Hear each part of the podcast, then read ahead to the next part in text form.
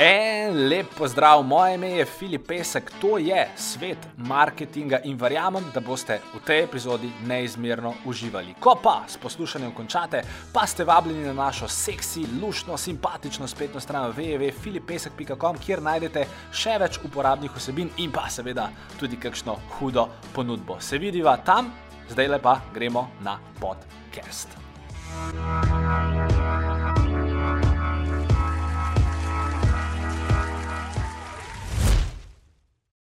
En lep prisrčen pozdrav uh, vsem skupaj, danes je z nami Miha Lauter. Miha, uh, kako si?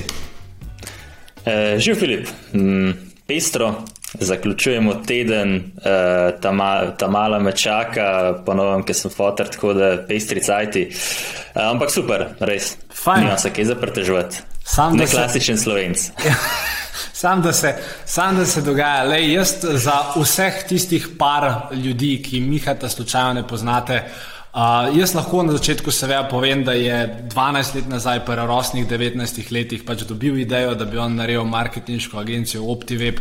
In ta OptiWeb je danes v bistvu v 12 letih si ga v bistvu pripeljal, za kar ti moram res čestitati, uh, do CCA 70 zaposlenih, prek 2,5 milijona evrov prihodkov. In uh, kljub temu, da je vse to res, meni se zdi pač danes fascinantno s tabo govoriti, zato ker jaz mislim, da si vsem prvič ostalim marketinškim agencijam, plus ostalim storitvenim dejavnost, dejavnostim, plus ostalim direktorjem nasplošno no, lahko vzor uh, s tem, kar delaš, in sem res vesel, da bom danes lahko s tabo poklepetal. Hvala lepa. Zmeri lepo slišati, eh, potrditi, da delaš nekaj v pravi smeri. Mm. Lej, uh, moja ideja danes je, da malo spregovoriva o vodenju, uh, o tem, pač, kako vaša firma funkcionira, tudi delno v marketingu, bo videla, kam naj jo bo uh, zanesel. Še preden pa prijeva do teh resnih tem, za začetek eno vprašanje. Jaz sem na preteklih podcestih, ki si jih imel pa na tvojem LinkedIn-u, uh, nekje zasledil, da se vstajaš ob štirih ali pa ob pol petih zjutraj.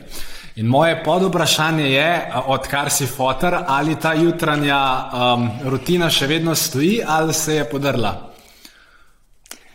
A boš samo gibal? ne, žal, um, žal ti, ti to precej spremeni. Moram priznati, da že prej nekaj časa se mi zdi, poletja so taka, da je to malo težje delati, saj meni osebno, zaradi same vročine, pa vsega skupaj. Um, tako da zdaj moram priznati, da že pred rojstvom hčerke nisem imel te rutine več vzpostavljene 100%, tako da zdaj pa sploh ne več, ampak um, je treba na drugačen način biti bolj produktiven. Ej, super, lepa, ker smo glih, glih pri delu. Um, recimo v podjetništvu in v storitvenih dejavnost, dejavnostih in v ostalih dejavnostih je vedno neka debata o tem, ali se splača ljudem delati trdo ali pametno. In zdaj pač Ka, kakšna je tukaj tvoja filozofija, oziroma kako ti gledaš na vse skupaj, ali pa na svojih zadnjih 12 let podjetništva? Mogoče? Ja, fulor vprašanje. Po mojem je kar kombinacija obojega, eh, če me vprašaš. Eh, mislim, da nasploh na začetku težko delaš pametno, ker ne veš, kaj je delati pametno, kako je delati pametno. Tako da se bolj zatekaš na ta hard način, da je mo trdo delati. Pol postopoma, ko pa prideš mogoče, kaj, ko si malo eh, zgradiš nekaj, ko imaš že fulveč izkušenj, pol pa definitivno pametno. Tri odločitve na dan, dobro delegiranje, fulvera organizacija, struktura. To se mi zdaj pol precej, precej bolj ključno, kot pa da ti vsak dan narediš to pa tok eh, teskov, to pa tok nalog. To se, se dobro počutiš, mogoče, ampak efektivnost na koncu dneva pa, pa ni, ni to tono. Tako da, absolutno. Um, sem pristaš tega, da najprej je oboje ali pa saj tisto trdo, pol pa bolj pametno, kot karkoli drugega. Sam, sam ti nisi, vsaj ko te jaz spremljam, ti nisi un direktor, ki bi zdaj recimo postavil firmo vem, do 50 ljudi, pa bi pa pač skozi igral golf. Ti kljub temu, da zdaj seveda delaš dosti bolj pametno, kot si na začetku, jaz imam še vedno občutek, da imaš ta drive, pa da še vedno pač narediš recimo vsak dan 8, 7, 9 ur dela ali, ali, ali se mogoče motim. Ja, um, 90, da jim rečemo, mogoče okay. zdaj le ne, ampak. Um, ne, jaz uživam v tem, da delam. Je pa res, da jaz ne uživam mogoče v nekih tehničnih stvarih, globokih ali pa da bi delal neke operativne stvari v podjetju, ampak bolj ta, tako kot se prej rekel, struktura, pa rast, kako bomo zdaj neki novega um, pogruntar, kako bom dobil novega človeka, ki mi bo postavil novo divizijo, da jim rečem, kako bom nekaj izboljšal v podjetju in bo se to poznal pol na, na RVC-ju. Take stvari um, so mi ti zdaj rečem. Podjetništvo, no, mogoče podjetništvo opisuje to. to um, to, kar mi je res všeč. In zato z veseljem delam 8, 9, 10, včasih 2 ur. Ja, Fajn. to je to. Lej, a, tudi, ko sem, sem se pripravljal, sem zasledil, da mislim, pač kot nekdo, se v bistvu tudi jaz sem štartal brez izkušenj, tako kot ti, a, ker pa Mislim, pa kar naenkrat, ko imaš 10, 20, 30, 40 ljudi, tako kot ti, pa se ta recimo pritisk začne kopičati, pa so še razni finančni pritiski, ki še na stvar gre na robe. Ti si enkrat nekje razlagal, da si imel pol vmes nek, da mu temu reč, manjši breakdown, oziroma vem, da te začne že malo tesniti, da si enkrat potušno skoraj dol padel, mislim, da si nekaj tazga razlagal. Zdaj, kot men, ki se mi recimo to še ni zgodil, a mi lahko daš na svet, ali pa mogoče vsem, ki poslušajo, kaj je takrat šlo tako narobe, da te je enostavno zabilo, oziroma kje si moramo nekako mi podjetniki, po tvojem mnenju, postaviti meje, da pa na neki točki ne pride momentalno do enega tazga kratkega hm. burnouta. Ja, zelo težko vprašanje. Mislim, da si vsak mora sam postaviti neke omejitve, oziroma vsak sam mora vedeti, do kje lahko gre. Um, kako? To nam pa telo pove, po mojem. Um, sploh ti, ki si bil profesionalen športnik, verjamem, da telo zelo dobro poznaš, veš, do, kjer, do katerega limita lahko gre.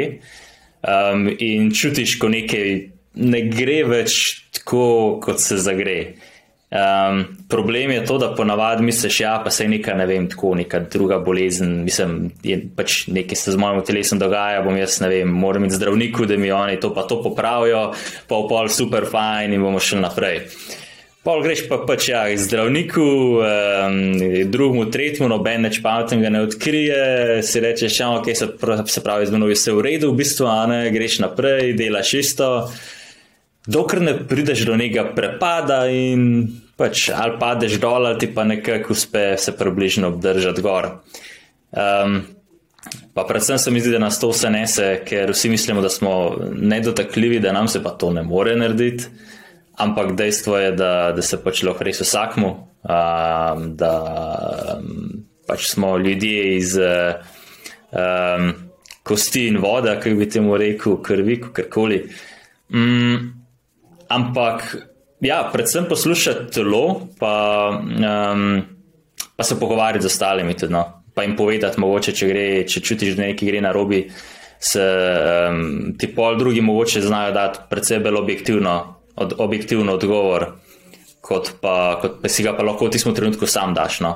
Um, Itak, ja, ker nekdo, nekdo od zunaj vidi ene stvari, ki jih ti ne vidiš, verjetno.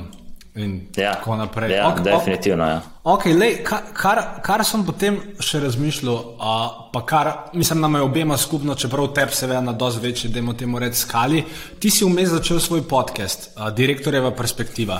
In ideja je bila v bistvu tvoja v tem, da Uh, enostavno ljudje, da imamo verjetno reči zaposleni, pa tudi vsi ostali direktorji, pogosto ne razumejo, ali pa da pač nastaja nek, nek uh, mismatch. Mi, vem, recimo ti, ki zdaj imaš tako veliko organizacijo, pa ki se verjetno tudi mreže z ostalimi direktorji, ki imajo veliko zaposlenih. Kaj, kje je ta mismatch torej med ostalimi ljudmi in direktorjem, oziroma kje se pač razumevanje nekako krešne, kje, kje pride do težav? Hm. Um, po mojem, je glavni razlog to, da dokler nisi v določeni poziciji, določeni vlogi, enostavno človeka ne moš razumeti.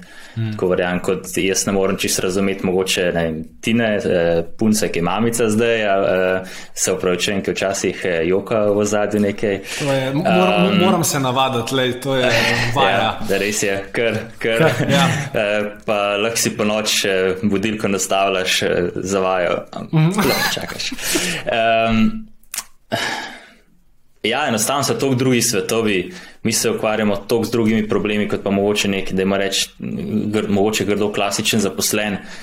Um, oboji sta pa recimo, da saj, saj jaz se zmeri potru, potrudim razumeti sodelavca.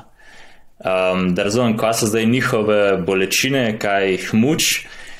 Na drugi strani bomo iskreni, nas pa navadno bene vpraša, kakšni so pa zdaj Kako si? pač tvoji izzivi, kako pa Ja. tebe muč, kako Ja. si, ja, točno to. In, um, to jaz osebno drugače kar pogrešam. No. Jaz bi bil full vesel, če bi sodel, sodelavci bili eh, tok na neki, uh, pa da se razumem, to je tudi moja napaka, um, da bi tok na neki. Um, prijateljski ravni ali pa saj sproščeni ravni, da bi prišli do mene in Miha, kako si pa ti donske, a, a, a ti gre, a da mi kaj imaš po jamri, a ti lahko kaj pomagam. Um, to bi bilo full dobro, naprimer. Ampak, če smo čisto iskreni, ponavadi se zatakne že pri tem, da si težko iskreno povemo nek feedback, zaradi tega, ker se bojimo, kako bo sodelavec odreagiral. Um, Zelo rečem, da moja ena izmed glavnih, najboljših lastnosti je sigurno to, da jaz res iskreno prosim za feedback.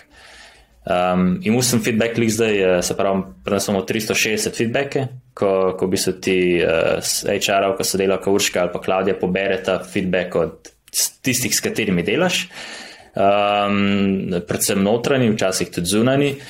In pa se stav ta klušten zapisnik, kaj so povedali, ocene, se pravi, in gremo v bistvu po kompetenčnemu modelu. In je res super, koliko enih zanimivih informacij dobiš. In jaz sem si danes, v bistvu, sem šel čez ta cel feedback, tistih na 3-4 strani, in sem si označil, nekak, katere stvari so take, ki se mi zdijo smiselne in bi, in bi jih rad izboljšal. Um, in zdaj je valjda na meni, da z tega nekaj naredim, ampak res je lepo tudi meni pogledati na tiste zapisnike izpred leta, dveh, treh, ko vidim, da so noter stvari, katere sem res izboljšal in to ti pol da neko motivacijo, pa si rečeš, ok, prek tega res lahko postaneš boljši človek in to je to, kar ti rabiš za svojo osebnostno in karjerno rast. Uh, sem masen zaplav z odgovorom, ampak se mi zdi tako pomembna stvar. Um, večina ljudi pa, pa pri feedbacku v bistvu naredi zid, se postavi v obrambo in ja, pa to je zaradi tega, on ga tretjega. Ok, prav v redu, se pravi, gremo tako naprej, kot smo do zdaj delali. Mm. Mislim, Ja, veš, to, štekam. to me ne kar. Pa te, a imaš, živce včasih. a, a imaš le, glede na to, da je za ta bo 12, 12 let podjetništva, da si že veliko stvari dal čez. A lahko mogoče z nami deliš eno stvar, ki si jo v sklopu teh feedbackov dobil, pa ki se ti zdi taka, da moraš pač na njej delati, oziroma da se gre za neko legitimno opombo. Ja, absolutno. Naprimer, ena izmed zadnjih, na kateri sem zdaj eno leto predvsej delal, je ta, da um, bo, sem boljši poslušalec. Se pravi, da ko nekdo govori, da ga res poslušam in ne da si jaz že prej, um, že umestno, jaz ustvarjam neko svojo sliko, oziroma še slabš, neko podvprašanje, pa neke odgovore, oziroma vprašanja, ki niso vezana na tisto, na tisto prejšnji odgovor. Se pravi, razmišljam že naprej. In sploh ne poslušam res tako fokusirano človeka. To se mi je velik, res velikrat dogajalo. Vse se mi še zdaj, ampak zdaj, ki to vem, da se mi dogaja, lažje, lažje si možgan rečem, hej, umir se, ne ga poslušaj zdaj. Um, ta je bila taka ena izmed ključnih stvari, ki sem jih zadnja leta spremenil. Uh, ogromno sem mogel delati tudi na mirnosti, to je bil tudi velikrat feedback, eh, sem tako hiter. Uh, skočil v zrak, da jim rečem, in uh, prehiter reagiral. No? Tako da zdaj sem delal dosta na tem, da počakam, včasih, če res huda stvar prespim, se drug dan še enkrat soočam s tisto situacijo, pa razmislim, kaj zdaj narediti. To, no, to mogoče te dve stvari sta bile take najbolj, um, najbolj očitni, na katerih sem delal zadnje cajtine. No. Ja, ampak se to sta v bistvu ful pomembni s- stvari. Jaz, in, in kar je najbolj fascinantno, jaz, ker, ker razmišljam pa. Ne, mogoče po mojem tudi nekdo, ki je 30 let direktor, se po mojem glih te iste dve stvari sta po mojem taki, ki si jih lahko izboljša. Ja, ker to, da si lahko bolj miren, pa manj živčen, pa da lahko bolj poslušaš, to mislim, da je nek ongoing proces, pa mi grede hvala, no, ker si z nami delil. Uh, se se v bistvu boš počutil, da imam iste težave. Ja, ok. Ja. Pa pa recimo v, v sklopu tega uh, odnosa do direktorja, pa dajmo temu reči direktorjeve perspektive. Jaz, ki sem šel čez pretekle pogovore, jaz sem v bistvu dobil veliko dobrih istočnic in nasvetov tudi v bistvu zase. Se mi zdi, da veliko filozofij, ki jih imaš, so dejansko pač jih lahko uporabiš ne samo pri vas, ampak dejansko kjerkoli. In ena izmed stvari, ki se mi je zdela zanimiva, oziroma en koncept, je bil ta, da si razlagal o tem, da uh, ko je treba v firmi neko negativno stvar skomunicirati, da pač to ni fajn, če večino časa dela direktor oziroma lastnik, ker pač si vsi mislijo, da je on tam sam zato, da teži, pa da v bistvu sploh ne vleče, da jim reče te barke v isto smer, kot zaposleni hočejo. In seveda potem alternativa temu je, da svoje vodje oziroma ostale ljudi naučiš, da pač oni te neke negativne feedbacke ali pa mogoče malo bolj delikatne situacije rešujejo. Follow-up vprašanje te tvoje teorije pa je. Uh, Kaj, mislim, ker pač jaz, ko opazujem ljudi, veliko vodi, oziroma veliko ljudi nasplošno ima težavo s tem, da neko negativno zadevo skomunicira. Torej, ne vem, pač, ker se bojijo, da bodo s tem nekoga užalili, ali da bo uno reagiral, ali da mu bo zameril, ali whatever. Imáš ti še način, kako lahko ljudi naučiš, ali pa mogoče na nivoju cele firme jih navadiš, da so malo bolj uh, pripravljeni, mogoče tudi negativni feedback dati ali pa nek confrontation nekje narediti. Um, ja, ali s tem vprašanjem se v bistvu zdaj dosta ukvarjamo, no? ker je, kot si sami ugotovili, mislim, to je res izziv. No? To je res, res je izziv. Um, nimamo še nekaj pametnega odgovora, če sem čisto iskren. Uh, mislim, nimamo ga. Jaz mislim, da je največ um, na tem, da kot prvo moraš sam te stvari res dobro delati, pa vse čas pa druge spodbujati, predvsem vodje, jih kot prvo naučiti, kako to delati. Uh, mi smo imeli tudi letos kar en kul izobraževanje za vodje. Uh, in od tam pa pol naprej, um, do, se pravi, do vseh sodelavcev. Um, ne vem, po mojem, je to samo praksa, praksa, praksa, teženje eh, skozi. Um, Torej, moraš ti, moraš ti težiti ja. ljudem, da pa oni težijo naprej. ja, dejansko. Mislim, moraš poudarjati, koliko je to res pomembno. Mm. Se mi zdi, pa, pa ne samo vodjem, ampak tudi na nivoju firme, da rečeš, pa pravnomočiš ljudi, pa jih, jim daš pobudo, da je to narediti, to je kul, cool, z tega se mi nekaj naučimo. Mm. Um, Skozi pogovor, ne vem, pa nimam, pa bi si pa tudi jaz želel, ja, kajšne, ne vem, ti mogoče tukaj kajšne, da si o čem razmišljal. Ne, ne. Jaz, sem, jaz sem v bistvu, mislim, ker vse to pač izhaja iz ljudi in mislim, tle osnovni ja. problem je torej, zakaj ljudje kot taki se bojijo nekih direktnih pogovorov. In pol mislim, da pa če bi vsak ga pelal k psihologu, a se pa z njim tri ure pogovarjal, bi verjetno ugotovil, kaj je zdaj tista njegova blokada. Ne? Ampak nimam, dejansko ja. nimam ideje, lahko mogoče skupaj pol najdeva kakšno rešitev. Ampak torej. Uh, pač probaš. Torej, torej, če te prav razumem, probaš, da čim več stvari negativnih ne gre prek tebe in da se ti tam v bistvu nek, uh, v firmi nek vizionar, ki več ali manj pozitivne stvari komunicira. Predvidevam pa, da recimo, ne, stvari kar poje. Ja, ne, sej. Um... Se mi zdi, da mora biti nek cool balance tukaj. No? Mm. Se pravi, tudi um, v feedbacku je bilo, da premalkrat povem direktno na nivoju firme, da prevečkrat zavijam v celofan, kar se strinjam. Uh, Ker se iskreno včasih bojim, eh, če bom pa preveč negativne informacije dajal, da bo pa hiter, ne vem, da bo ljudi začel strah biti, tako karkoli, in bo negativen efekt. Tako da jaz tukaj zelo še lovim neko ravnovesje med tem, koliko dobre stvari povem, pa koliko tudi kakšne slabe, ker dejstvo je pa, če so sam dobre, pa tudi. Si ljudje mislijo, se pravi, ful dobro gre, ful je super, vse je oh in sploh. Ja, ne, ne. ne. Um, Tako da v naslednjem kvartalu, pa v naslednjih mesecih, letih se bom vsem potrudil, da bom več negativnih stvari tudi jaz povedal.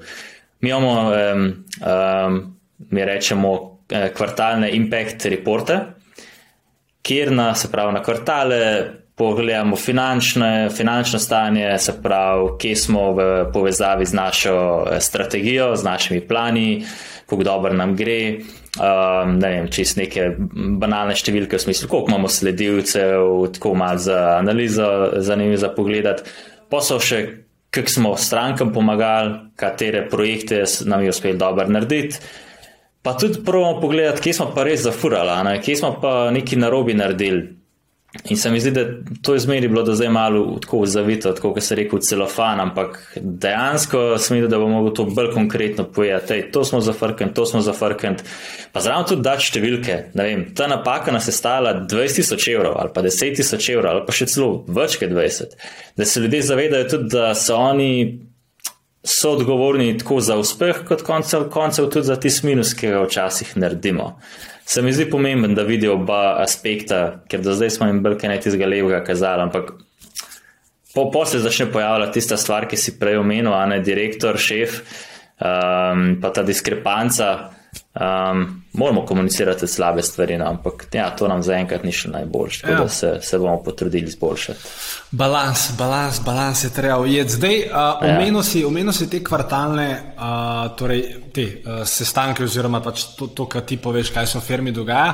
Pa še ena zanimiva stvar, ki sem jo prvi ugotovil, je, da imate tako imenovani open book uh, management. Uh, Uh, in zdaj tukaj moje vprašanje je, a to dejansko pomeni, da recimo, ko je konec leta, ti poveš zaposlenim tudi to, torej koliko prometa je bilo, koliko dobička je bilo, ali samo pač se govorimo, pogovarjamo o nekih prometih, ali tudi dejansko so tudi zaposleni seznanjeni prav pač z vsemi številkami iz bilance, ali kako podrobno se tega lote. Ja, uh, se tukaj le se mi zdi ključno to, da ljudje sploh razumejo, kaj so določene stvari v bilanci, kaj pomenijo. Konec koncev to lahko vsak vidi, te bilance so javne, dostopne, uh, tako da ni panike. Je pa res, da mi gremo še dlje, se pravi, jim razložimo, se pravi, kakšen je bil promet, kakšen je bil profit, zakaj je bil tak profit, uh, kakšne imamo plane za drugo leto, kakšna rast.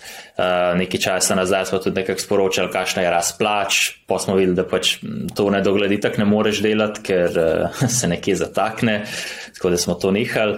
Um, Pa ja, gremo pa tudi globi, da, da razložimo, oziroma da imajo sploh vodje projektov tudi številke za svoje projekte, kakšen profit oni delajo, eh, ker edino oni lahko to spremenijo. Eh, edino vodje ekip lahko spremenijo eh, rezultate svoje ekipe. Tako da probujemo dati čim več številk ljudem, ker številke so moč, da z njimi nekaj naredijo. Um, To je tudi v bistvu predfaza, uh, v kar upam, da bomo šli, da bo nek del, da, da damo tudi vse lasništvo. Um, to je nekaj star, ki ne vem, jaz verjamem, da bo šla um, naprej, da ne bomo sami taki, mislim, nismo sami uh, taki, ki razmišljamo o teh stvarih v nekih ESOP zadevah, uh, se pravi, employee stock ownership modelu, ampak jih je kar nekaj drugih, sploh v našem, v storitvenem sektorju kjer je v bistvu res od ljudi, eh, vse odvisen. Ja, vse je v bistvu, jaz mislim, da se vsak eh, podjetnik najde nek način, kako bo pol eh, s tem podjetjem operiral. Eni ne delijo deležev, eni, eni pač delijo osnovne deleže, eni grejo v te variante, ki si jih ti omenjal. Skratka, Miha, jaz verjamem, da boš nekaj pogruntal. Zdaj, ki si pa glih omenjal, ne, v, v, v sta vodstven kader, seveda v storitvenih dejavnostih, pa tudi v ostalih dejavnostih je pa naslednje vprašanje.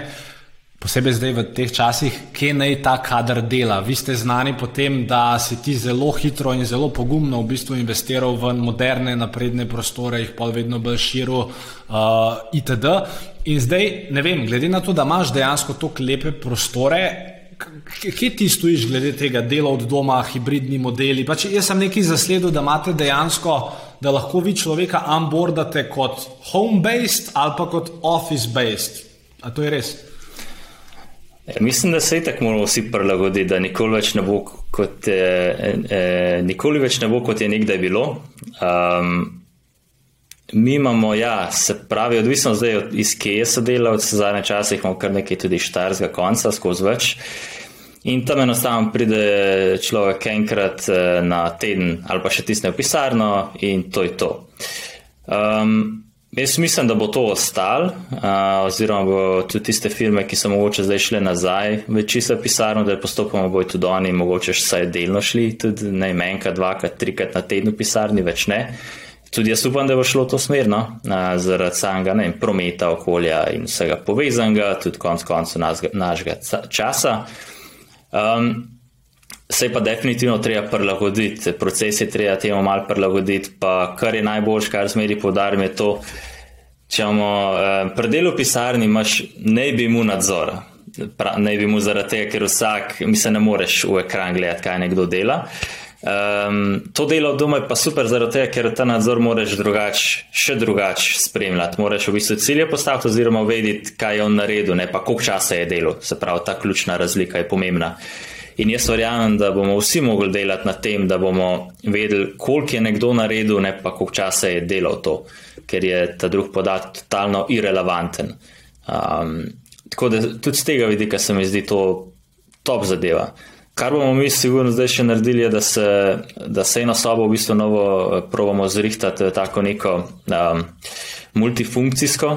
da bo na, na nek način tudi studio, uh, tako kot imaš ti, naprimer. Um, tukaj moram še enkrat pohvaliti, imaš lepo zrihtan, všeč mi je, ker se roke vidijo, tako da to je res top. Uh, predvsej drugače se da prezentirati, uh, tudi sales se da predvsej boljš delati, če imaš tako le zrihtan studio. Um, in da bo, da bo opcija, ker pri nas je naprimer, največji problem to, da imamo neke skupne sestanke, je en del ekipe naprimer, v podjetju, fizično, en del ga pa ni. In to je res težko delati prezentacije na nek dober način. In zdaj imamo, pač moramo to nekako narediti, da bo to dvoje, eh, kjerkoli si, da bo dober, zavediti, da bo ok. To je zdaj naslednji plan, tako da upam, da nam uspe eno sejno sobo, ustavi še dobiti, pa tam zrihtati en res hud studio uh, pa še ne holograme v prihodnosti. Ej, super, pa, pa vse en, če, če bi mogel, torej, v redu, demo reči, da nimaš ljudi iz Štajerske. J, jaz razumem, da če je nekdo iz Štajerske, je v bistvu z tvoje strani ne, neumno in z njegove, da ga silaš biti petkrat na tem tam v pisarni v Škofelog. Jaz tudi ne bi tega naredil, ne na tvojem, ne na nivoju, mislim na mestu unga Štajerca. Ampak zdaj, a, ne vem, če, če imaš ti recimo kader iz torej Ljubljane, Škofe, Loke, pač tam nekje okrog. Mislim, a te posebno je boljš, da so oni, ne vem, štirikrat na tednu pisarni, pa enkrat od doma, ali v bistvu sploh nimaš nekega idealnega scenarija, pa ti v bistvu čist, kakor si sam, sam nekdo določ. Ja, v bistvu si. Mi smo dali pravila v smislu, mm. če dali smo dedicirana, pa ne, oziroma hot desks. Mm. Dedicirana delovna mesta so za tiste, ki bojo trikrat ali večkrat v pisarni, kdo bo tri, dvakrat ali pa enkrat, ima pa hod desk, oziroma pride sosede, kjer je prostor in to je to. Um, to se mi zdi, da je kar dober način, zaradi tega, ker vsak mora zase um, razmisliti, kaj mu najbolj ustreza, enim najbolj ustreza doma. Skoraj večina je takih, če imajo neke zahtevnejše naloge, kjer res rabijo misliti, jim je definitivno boljše so doma, da nimajo distrakcij. Tako da res je zelo odvisen. No. Prodaja je tako na terenu, veš čas, balkene, oziroma all over the place. Um, Uh, se pogovarja z stotimi različnimi ljudmi. Tako, no, mislim, jaz tudi enkrat, en, kakšen teden sem več v pisarni, drug teden sem večino od doma. Um, na koncu se mi zdi ključno, da posameznik res ve, uh, kaj naj mu najbolj paše. No. Tako da k temu jih spodbujamo. Ja, pa tudi, pa tudi fajn se mi zdi, pa mislim, da to vi zelo lepo delate, ne? ker se ve, zate kot direktor je pa bistveno, da so pač ljudje med sabo čim bolj povezani. Tako da v bistvu tist, čez ko so v pisarni, je treba znati ta vozlišča, vozlišča pametno postaviti, team building, go predvidevam, da imate kar velik. Ja, to je največji izziv, mogoče mm. se mi zdi, no, mm. to si dobro izpostavil. Um, največji izziv je, kako se en obdržati neko kulturo, povezanost, da se ne zgodi, da so pol tisti ljudje, ki so večkrat v pisarni, bolj povezani, kot pa drugi. To, to je kar, eh, kar izziv in mislim, da ga nihče še ni dobro rešil. Pa vprašanje, če ga bomo kdajkoli dobro rešili, ker smo pač ljudje tako zanimiva bitja. Ampak ja, tako, ki si omenil, team buildingov, kakšen team building več, kakšno druženje tako več. Mm, ja, pa, pa pogovarjati se z ljudmi. Ja. Mm, cool, v redu, zdaj, a, kot dobro strukturirana firma, pač imate itak mentorstva, torej ko nekdo pač junior pride k vam v firmo, seveda ga nekdo iz firme prevzame, verjetno tudi badija dobi, predvidevam.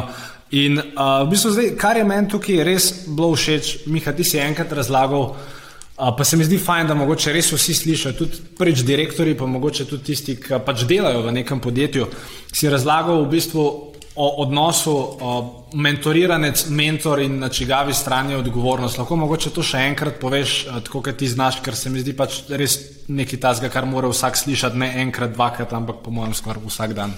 Ja, ja, se strinjam, Filip. Eh, ena taka poanta, ki jo probamo nekako uh, ubiti v glavo, da jim rečemo vsako mentorirancu. In sicer uh, Kar smo videli, izhaja vse iz tega, da je ta, se pravi, tako je šef, a ne zaposlen, nek tist eh, od odzgori dol, vsa komunikacija, vse, vse, vse.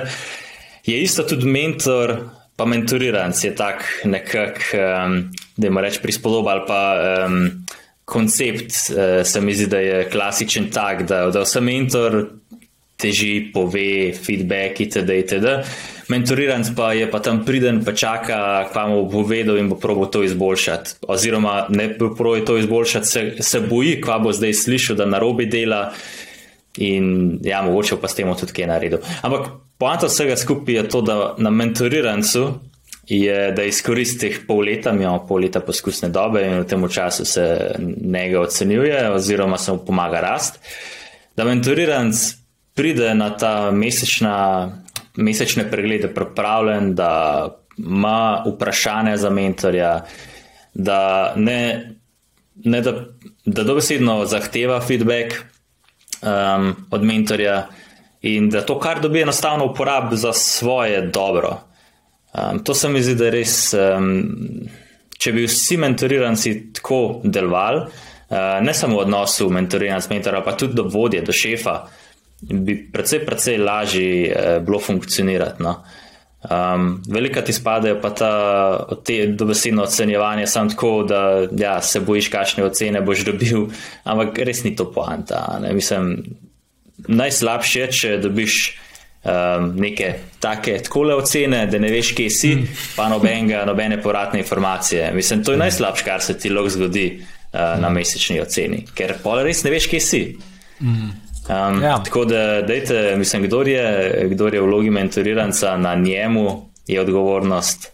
On mora potiskati stvari naprej, on se mora metati v eh, ta izven eh, cone obdobja, on mora težiti, pušati, on mora se stank dati v koledare. Jaz se bi podobil pa neki pogled, da mi feedback. Hmm. Res bo pomagal. Ja. In tle, tle, tle pol, uh, vse mi imamo, mi imamo, mislim, da to, to, to je pač večni izziv, uh, ampak mislim, fajn je, ker ti si ga nekako naslovil, pa se z njim aktivno ukvarjaš, ne večina pač se je v bistvu sprijaznila, da tako je in pa pač imajo to mentor-mentoriranec odnos, kar ni optimalno. Uh, pač, kar jaz opažam, je pa, da pri teh mentorirancih jim je včasih enostavno težko, ker pač razmišljajo nam ga šel vprašati za feedback, ker ga bom zjih razmotil, pa sej ne ja. vem. A veš, pa je pa pač ja. ta samo govor, ampak tle je res. Mislim, to tudi jaz vsakmu rečem. Pa če nekdo hoče v, a, v tvoji ali kjer koli firmi napredovati, pač tvoja naloga kot nov je, da težiš, mogoče celo malo preveč. Zaradi tega te sigurno ne bodo odpustili, vkolikor je to neko smiselno teženje. Zdaj, druga stvar je, da te nekdo kliče vsak dan ob 11. zvečer, pa te sprašuje. Mislim, Ja. To so pač drugi ekstremi, ampak ja, ok, mm. pa ker smo bili hle par, par ja. Filip, mogoče, sam še to dodam. Ful se mi je zdela dobra poanta, ki si rekel teženje, vsi mislijo, da ti težijo pol. Mm. Jaz sem najbolj vesel, če pride en do mene s strukturiranimi vprašanji, Miha, rad bi en na svet, da mi prosim pomagi. To je meni užitek, zaradi tega, ker to se mi ne zgodi skoraj nikoli. Mislim, mm. sodelavci ne pride do mene, pa me prosi za feedback. Pa mi je ful škoda, da tega ne naredijo. Pa verjamem, da mar kdaj bi mu kakšno pametno zapovedati. Um, ker vsi se dobro počutimo, mislim, vsaj večina ljudi se dobro počuti, če, um, če se počute tako. Mislim, da nekdo pride do njih, ki je v smislu, da rabu bi nas svet, da mi pomaga. Mislim, da vem, meni se zdi to nekaj najboljšega, kar lahko daš, oziroma tist, en izmed najboljših občutkov. Ja, pa če je ob predpostavki, da je tisto, kar si vmes rekel, torej, da je vprašanje strukturirano oziroma smiselno, ne? ker pol se ve, pol naprej ponavadi gre tako, jo imam problem, kaj naj zdaj naredim. Pač ne, ni fora, pač ti imaš problem, zdaj mi pa prnesi tri rešitve, pa povej, v, kjer, v katero smer razmišljaš, pa kje rabaš moj na svet. Ampak ja, ja. torej tle, tle bomo mogli še vsi veliko narediti, ker smo glih par mentorirancih, pa mentorjih. Miha, ti predvidevam, mislim, ne, povej mi, to, to pa dejansko nisem nikjer zasledil. A ti si imel kakšne mentorje sam na, na tvoji poti, da te je dejansko ratal firmo, da sem pripeljal, pa v bistvu samega sebe kot vodjo do tega pripeljal, da v bistvu te mentorje malo menjuješ ali pač greš nekako with the flow? Ja, imel sem kar neki, nekih svetovalcev tudi, ki so bili praktično vsak mesec vključeni v firmo, pa pomagali, povedali, da tukaj so priložnosti, da imamo tole narediti. Uh, in brez njih jaz um, lahko tako rečem, da ne bi bili tukaj, kjer smo. Ne vem, tukaj ne vem, Rok Meglič je mi je ogromno pomagal, uh, tukaj le Tine Radinja, ki je zdaj župan v Škofi Loki. Je bilo kar nekaj ljudi, ki so mi pomagali, ogromno pa imam pa tudi takih ljudi, ki vem, da se na njih lahko obrnem, če imam neko specifično težavo. Um, Zmer je fajn imeti poln um, imenik, pa nekako značeno, koga lahko v kažem primeru pokličeš, vprašaš, hej, robi, da mi, Filip, da mi tukaj le nekaj pomaga, imam eno težavo. Vse, včasih že veš odgovor, pa potrebuješ samo potrditev, včasih pa mm. dobiš res tako dobre ideje, da, da se ti zmeša, ne? da na mestu, da bi ti raziskoval, pa se opekel na lastnih napakah, mm. se lahko naučiš nekaj iz napak drugih, konc koncev. Tako da, um, ja, je pa res, da tudi jaz, če bi prej vedel, kak je ta odnos mentor, mentoriran, kako dobro poteka, bi tudi precej lažje to vodo pa izpeljal. Ampak da ja. se učimo. Ej, uh, full cool, no? uh, pa se mi zdi res lušno, da poznaš toliko ljudi, da toliko ljudi tebe pozna, ker uh, se vemo, več ljudi poznaš, več stvari lahko narediš. In, in jaz imam občutek, da pri teh mentorjih, uh, ki jih imaš, ljudeh, ki jih poznaš, uh, ljudeh, na katere se lahko zaneseš, uh, da je v bistvu pri širjenju te tvoje mreže ti zelo pomagal v bistvu LinkedIn. Oziroma, ne samo, da imam občutek, jaz, jaz mislim, da je dejansko tako, ker vidim, kaj na LinkedInu delaš, uh, si pravi mojster. Tako da mi mogoče malo več povej o tem, kaj ti vidiš v LinkedInu, zakaj ga uporabljaš, itd. Ja, sigurno. Ja. Uh, je pa tako, kot si omenil, LinkedIn zelo pomaga. Je, um, ko delam te objave, v bistvu tudi jaz na nek način pomagam drugim, sem da ne ena na ena, ampak se na širši mreži. In to se mi zdi, da ljudje tudi spoštujejo, jim je všeč, najdejo kaj uporabnega, Re, res se trudim, da je uporabno. No? Um, in ja, si to zapolnijo in se že oni včasih kakšen kar čut, mislim tako, z veseljem pomagajo meni, ker sem tudi jaz mogoče jim dal še na svet, kdaj pa kdaj. Tako da tukaj je zmeri tisto odnos, um, moš ti nekaj dati, pred nekaj vzameš, moš se truditi za to. No. Um, to se mi zdi, da zaradi tega tudi LinkedIn kar, kar pomaga. Um, že konec koncev, tudi če ne mu mogoče ne pomaga, vidi, da jaz drugim pomagam. In avtomatsko v glavi ti se, ok, so oni tudi drugim pomagajo, da jim pa jaz tudi ne mu mogoče tukaj le pomagati. Tako da, ja, LinkedIn je super.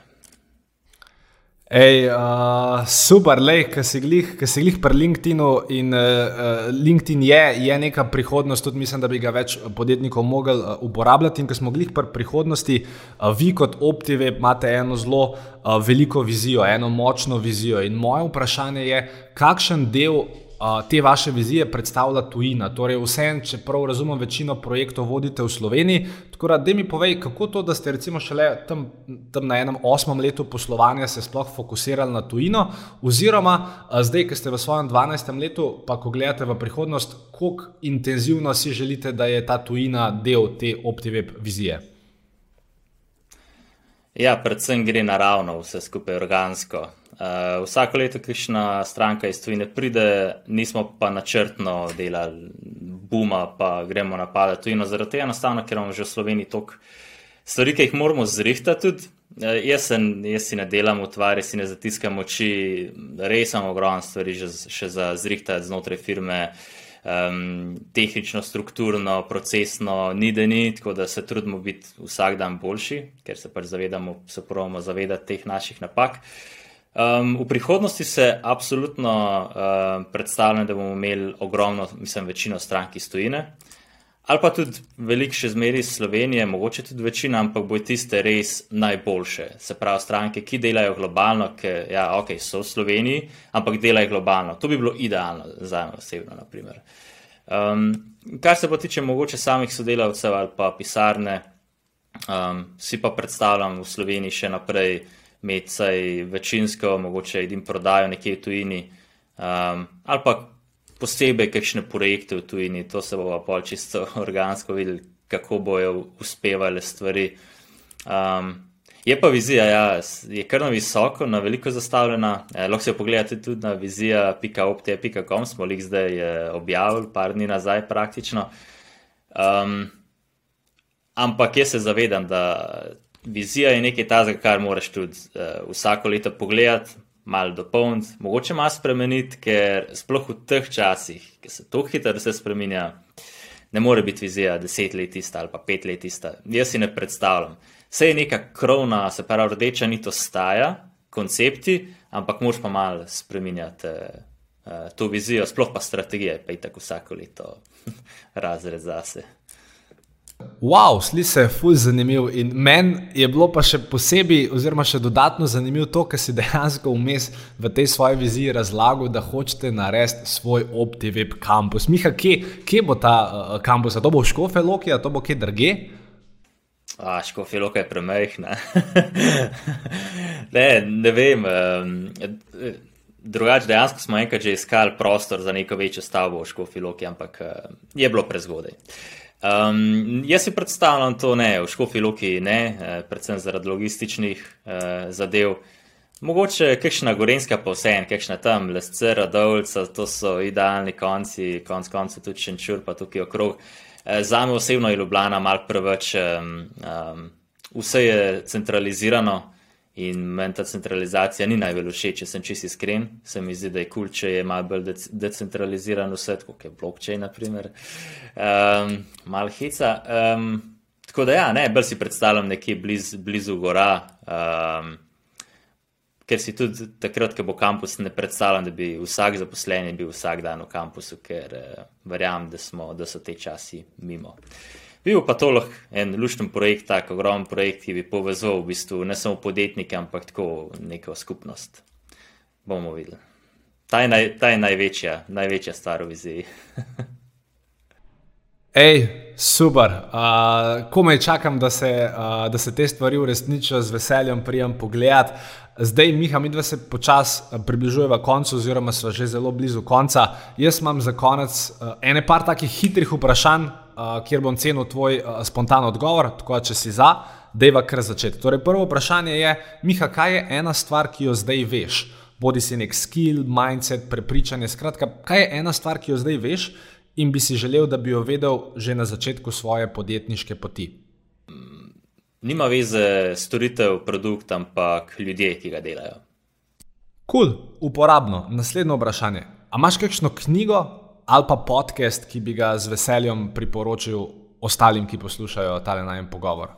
Ja, za knjige sem res zelo slab, to je uh, res katastrofalen. Aj še kakšna hujša beseda kot katastrofalen. Uh, podcast, Podcastom pa res, res velik, um, ampak je pa odvisno, ene, ene časovne obdobje so mi bliže, kakšni finančni, podjetniški, pa še kakšni drugi, bolj zabavni. Um, za nekoga, ki se štarta s podjetništvom, mogoče je kul cool, uh, entry leadership. Um, ta je dost kul, cool, ampak zadnje čase ne objavila je veliko, tako da to so res tiste stare epizode kul, cool, ki so take, te so dost take motivacijske, pa še zmeri uporabne.